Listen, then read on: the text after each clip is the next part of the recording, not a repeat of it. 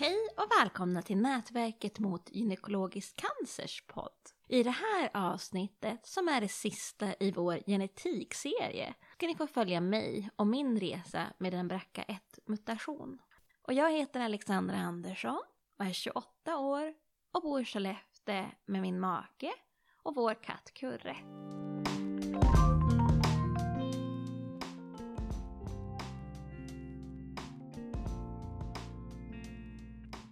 Året är 2012 och det är äntligen sommarlov från universitetsstudierna.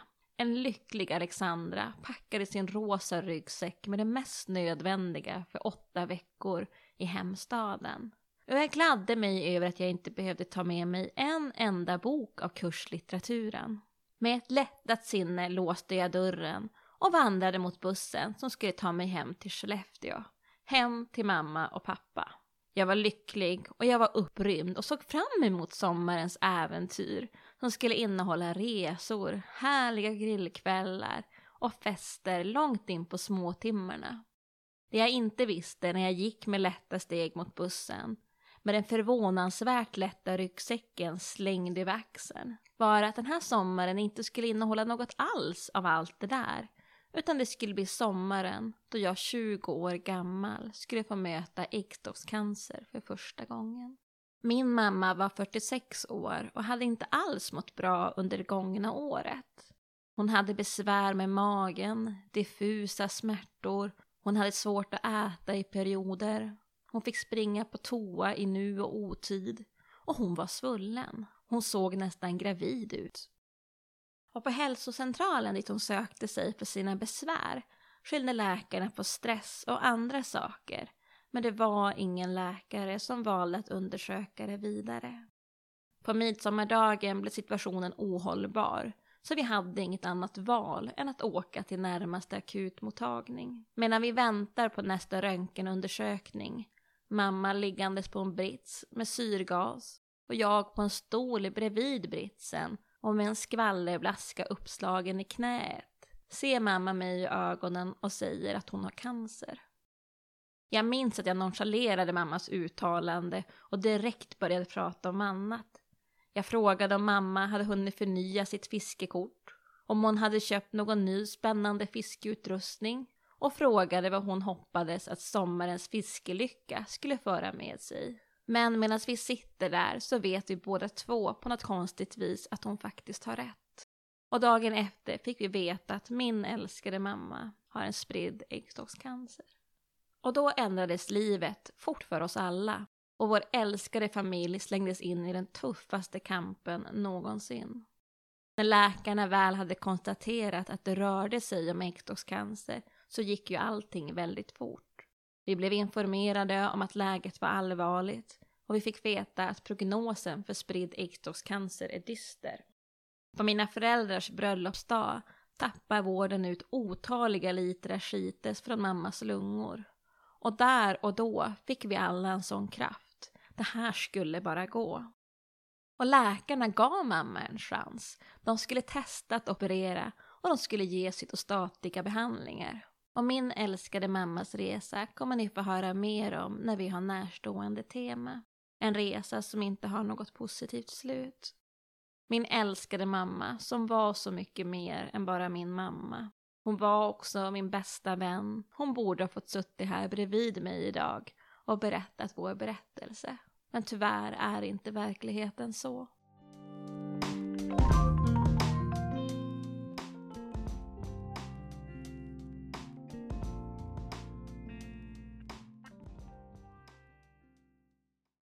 Min morfar fanns aldrig med i bilden, men vid 40 års ålder hade mamma fått kontakt med en bror på den sidan. Och när mamma fick cancer så undersökte brodern familjens cancerhistoria lite mer. Och han berättade då att ingen av de kvinnliga släktingarna på den sidan har fått bli gamla.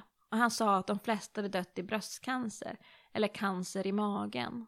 Han sa cancer i magen eftersom att det inte alltid var klart vart cancern hade startat.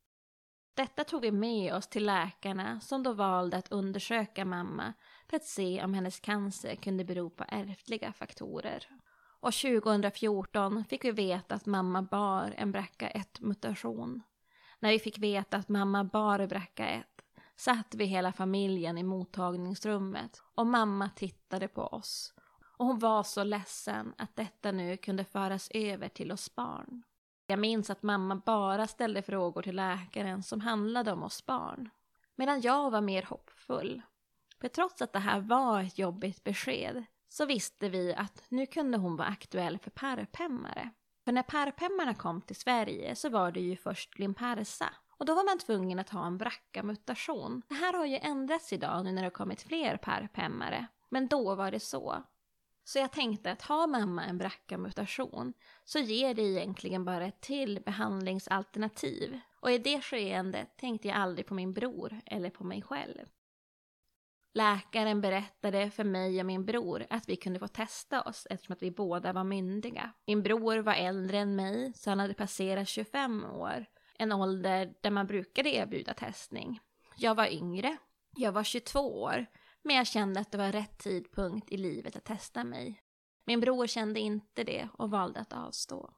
Så någon månad senare åker jag och mamma ner till Umeå för att få mitt besked om jag bar mutationen eller inte. Jag körde den cirka två timmar långa resan och var på strålande humör. Jag nynnade på låtar som spelades på radion och trummade på ratten medan mamma var lite mer dämpad.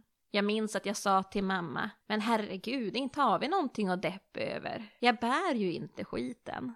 Den stannar med dig. Vilket är förjävligt nog, men det är så.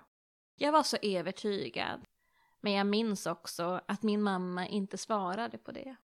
Rummet där vi träffade läkaren och sjuksköterskan var litet och jag minns att jag tyckte att rummet var grått. När läkaren sa du bär också bracka 1 stannade världen. Jag tittade snabbt på deras ansikten för att se om de var seriösa.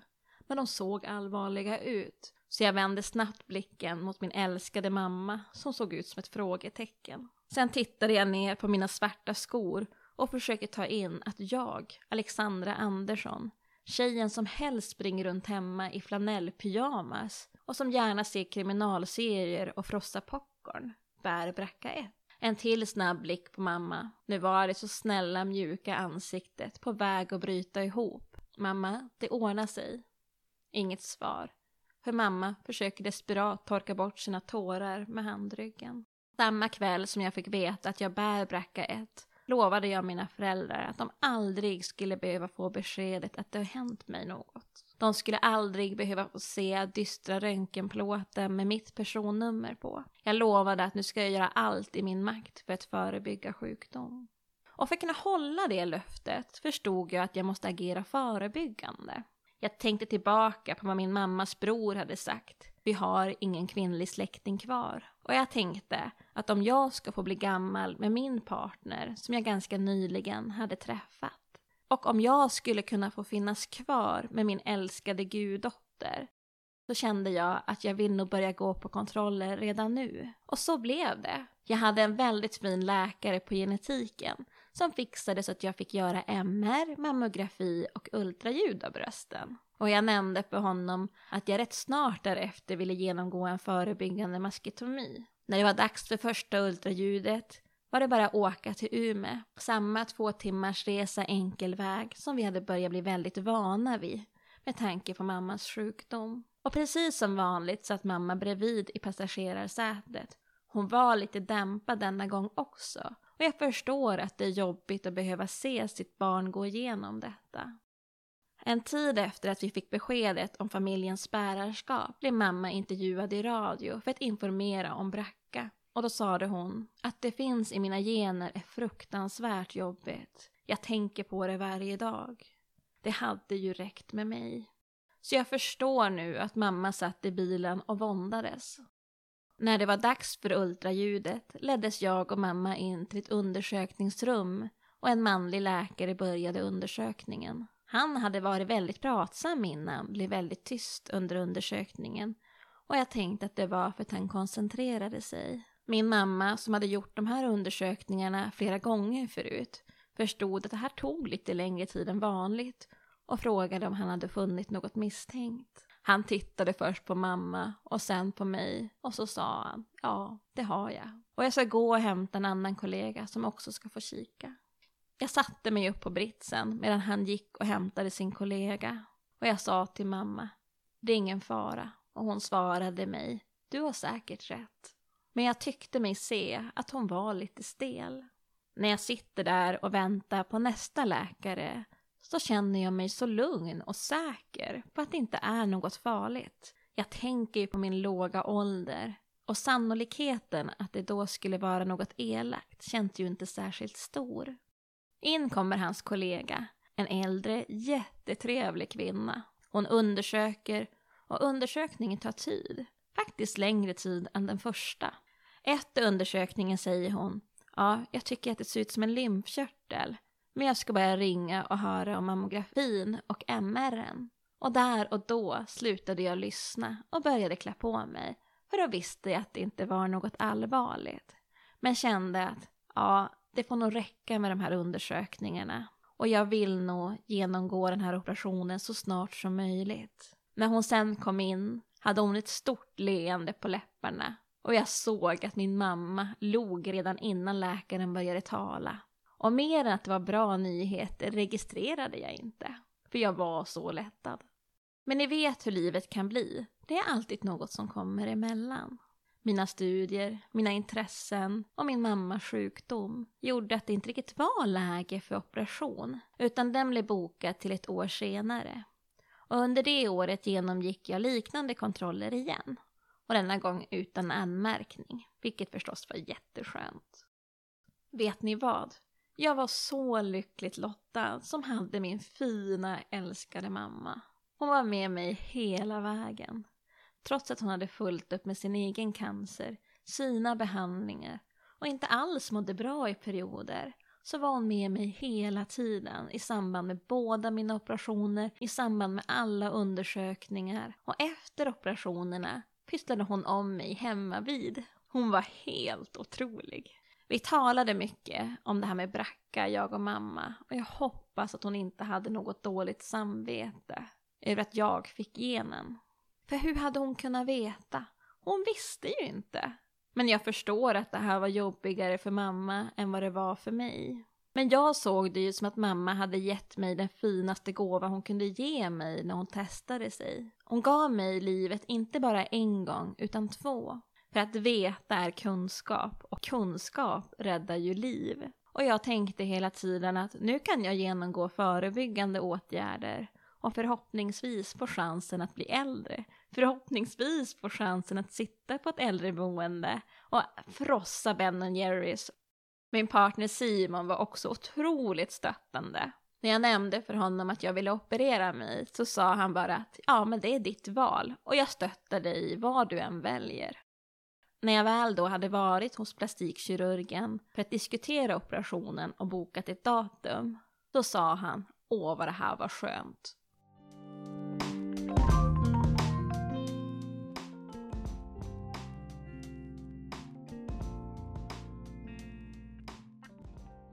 2016, när jag var 24 år, valde jag att operera mig. Brösten opererades bort och expanderproteser sattes in. Operationen gick bra, men lite komplikationer tillstötte så jag blev kvar på lasarettet en vecka.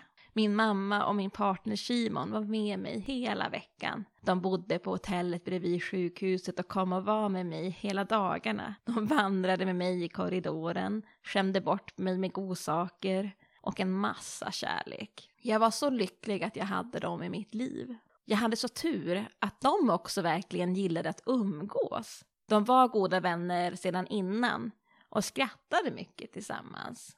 Men jag såg att den här veckan gjorde dem ännu tätare. Och efter den veckan kallade mamma Simon för hennes extra son. Jag minns att jag var med om en jätteunderlig sak den sista kvällen jag låg inne. Mamma och Simon hade gått till hotellet för natten och jag låg under den orangea landstingsfilten och sappade mellan ettan, tvåan och fyran, vilket var kanalerna som fanns tillgängliga. Och då kom en ur personalen in till mig. Hon skulle nog egentligen bara titta till mig. Hon satte sig på stolen bredvid sängen och efter vi hade uttalat oss om bristen på sevärdheter på tvn så frågade hon mig, du har inga barn va? Nej, blev mitt svar. Då tittade hon på mig och sa, då hade aldrig jag gjort den här operationen, för nu kan du inte amma och när man ammar kommer man sina barn nära på ett annat sätt. Jag minns att jag tittade på henne en stund för att se om hon verkligen var seriös innan jag blixtrade till och röt. Har jag frågat dig vad du hade gjort i mitt ställe? Och nej, mina framtida barn kommer inte kunna ammas, men istället kommer de ha en levande mamma, vilket också brukar vara en förutsättning för att kunna komma någon nära. Ut härifrån. Dagen efter det märkliga besöket så fick jag äntligen åka hem. Och hemma blev jag ompysslad av min älskade mamma medan Simon arbetade. Vi åt goda måltider, samtalade, skrattade, promenerade, maratonsåg Grey's Anatomy, vår favoritserie efter Desperate Housewife. Efter operationen kom jag snabbt tillbaka till mitt vanliga jag och jag började fylla på mina expanderproteser. Under den här tiden så blev jag erbjuden samtalsstöd, men jag kände aldrig att jag behövde det. Jag talade ju med mamma, med Simon, med pappa och mina vänner. Och jag kände nog aldrig att min kroppsbild förändrades. Innan operationen hade jag ju jättesnygga bröst om jag får säga det själv. Och det är klart att de här nya brösten, de är ju inte lika snygga. Men de är ju åtminstone friska. Och med tiden tycker jag faktiskt också att man lär sig tycka att de är snygga. Och det är ju också en fördel att de kommer ju aldrig hänga eller kräva att man har på sig bh. Jag fick också erbjudande om att tatuera bröstvårtor eftersom att jag hade valt att operera bort mina. Men jag kände aldrig att det var min grej. Och sen kan det ju handla om att jag tatuerat mig en gång i mitt liv. Och det var en liten tatuering, jag tror att den är ungefär 3 cm hög och 2 cm bred, alltså en jättepyttig tatuering. Och det var det mest smärtsamma jag har varit med om. Ah, kanske inte riktigt det mest smärtsamma, men det var smärtsamt. Så jag kände väl att, ja, för att få fejkade bröstvårtor så tror jag inte att det är min grej. Men det är ju också klart att en trevlig beröringspunkt är ju försvunnen. För nu har de ju inte särskilt mycket känsel. Jag gick in i en pelare för ett tag sedan och jag tyckte att nej men det här gjorde ju inte alls ont. Det gick ju bra.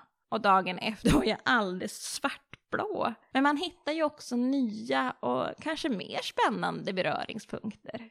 Men jag respekterar och förstår att det här inte är så lätt för alla kvinnor. Och jag är väldigt ödmjuk och tacksam inför att jag faktiskt blev erbjuden samtalsstöd.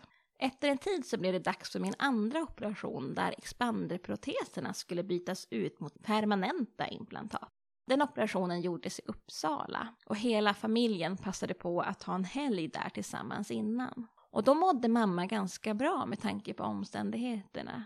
Hon hade ju tuffa behandlingar. Men vi hade rest väldigt mycket och vi fyra hade också rätt nyligen varit utomlands. Men vi fyra menar jag mamma, pappa, Simon och jag. Min bror har ju en liten tös så att det var inte alltid lika lätt för honom att komma loss.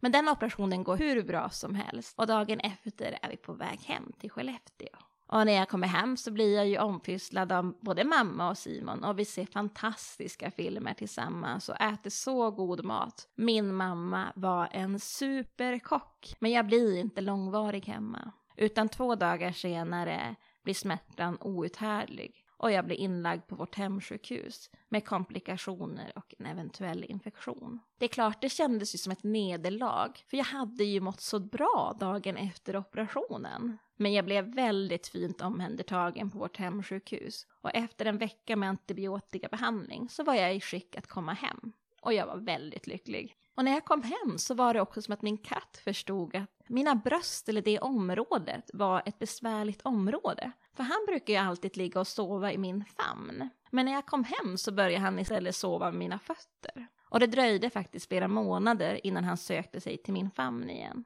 Så han var smart, min katt.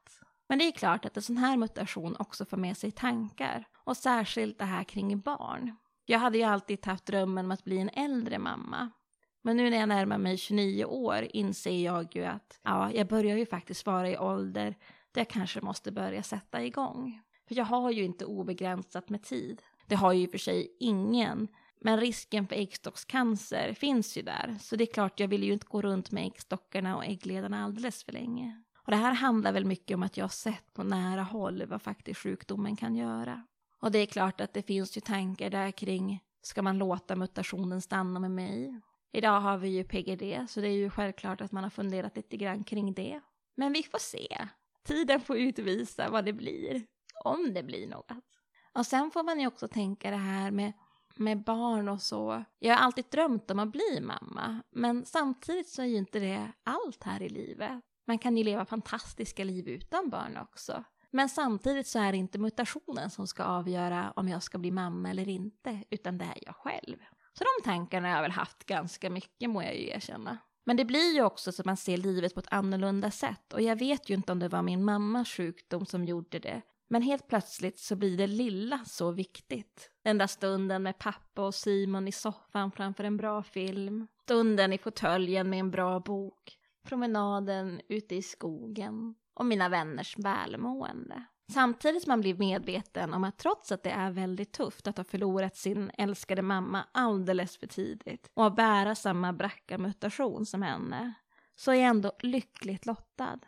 Jag fick ha henne i mitt liv och jag fick älska henne. Livet blir aldrig som förr, men det behöver inte betyda att det blir sämre, för nu vet vi och kunskap räddar liv. Min mamma hade ett citat som hon levde efter och jag vill avsluta med det. Och det var Livet kommer inte i repris. Lev det liv du vill leva. För ingen annan kommer göra det åt dig. Och jag håller med mamma. För oavsett om vi har en sån här mutation eller inte så måste vi leva. För tiden vi får här på jorden är kort. Det var allt vi hade för den här gången och nu hoppas vi att ni alla vill vara med i kampen mot gynekologisk cancer. För det är tillsammans som vi är starkast. Och i nästa avsnitt ska ni få träffa Barbro Sjölander och höra mer om vilket arbete Nätverket mot gynekologisk cancer utförde det gångna året och vad planerna är för detta år, 2021. Missa inte det! Och tveka inte att ge mig eller hela föreningen feedback. Och det kan ni göra via mail och det är info gyncancer.se eller så kan ni kontakta oss via våra sociala medier på Facebook heter vi Nätverket mot gynekologisk cancer och på Instagram heter vi gyncancer.se. Vill du komma i direktkontakt med mig? Kanske har du förslag på ett annat poddämne som du vill att vi lyfter upp? Ja, då finns jag också tillgänglig på mejl och där är alexandra.gyncancer.se. Då säger vi tack så länge och ni där ute, ta hand om er och var snälla mot er själva. Ha det så gott!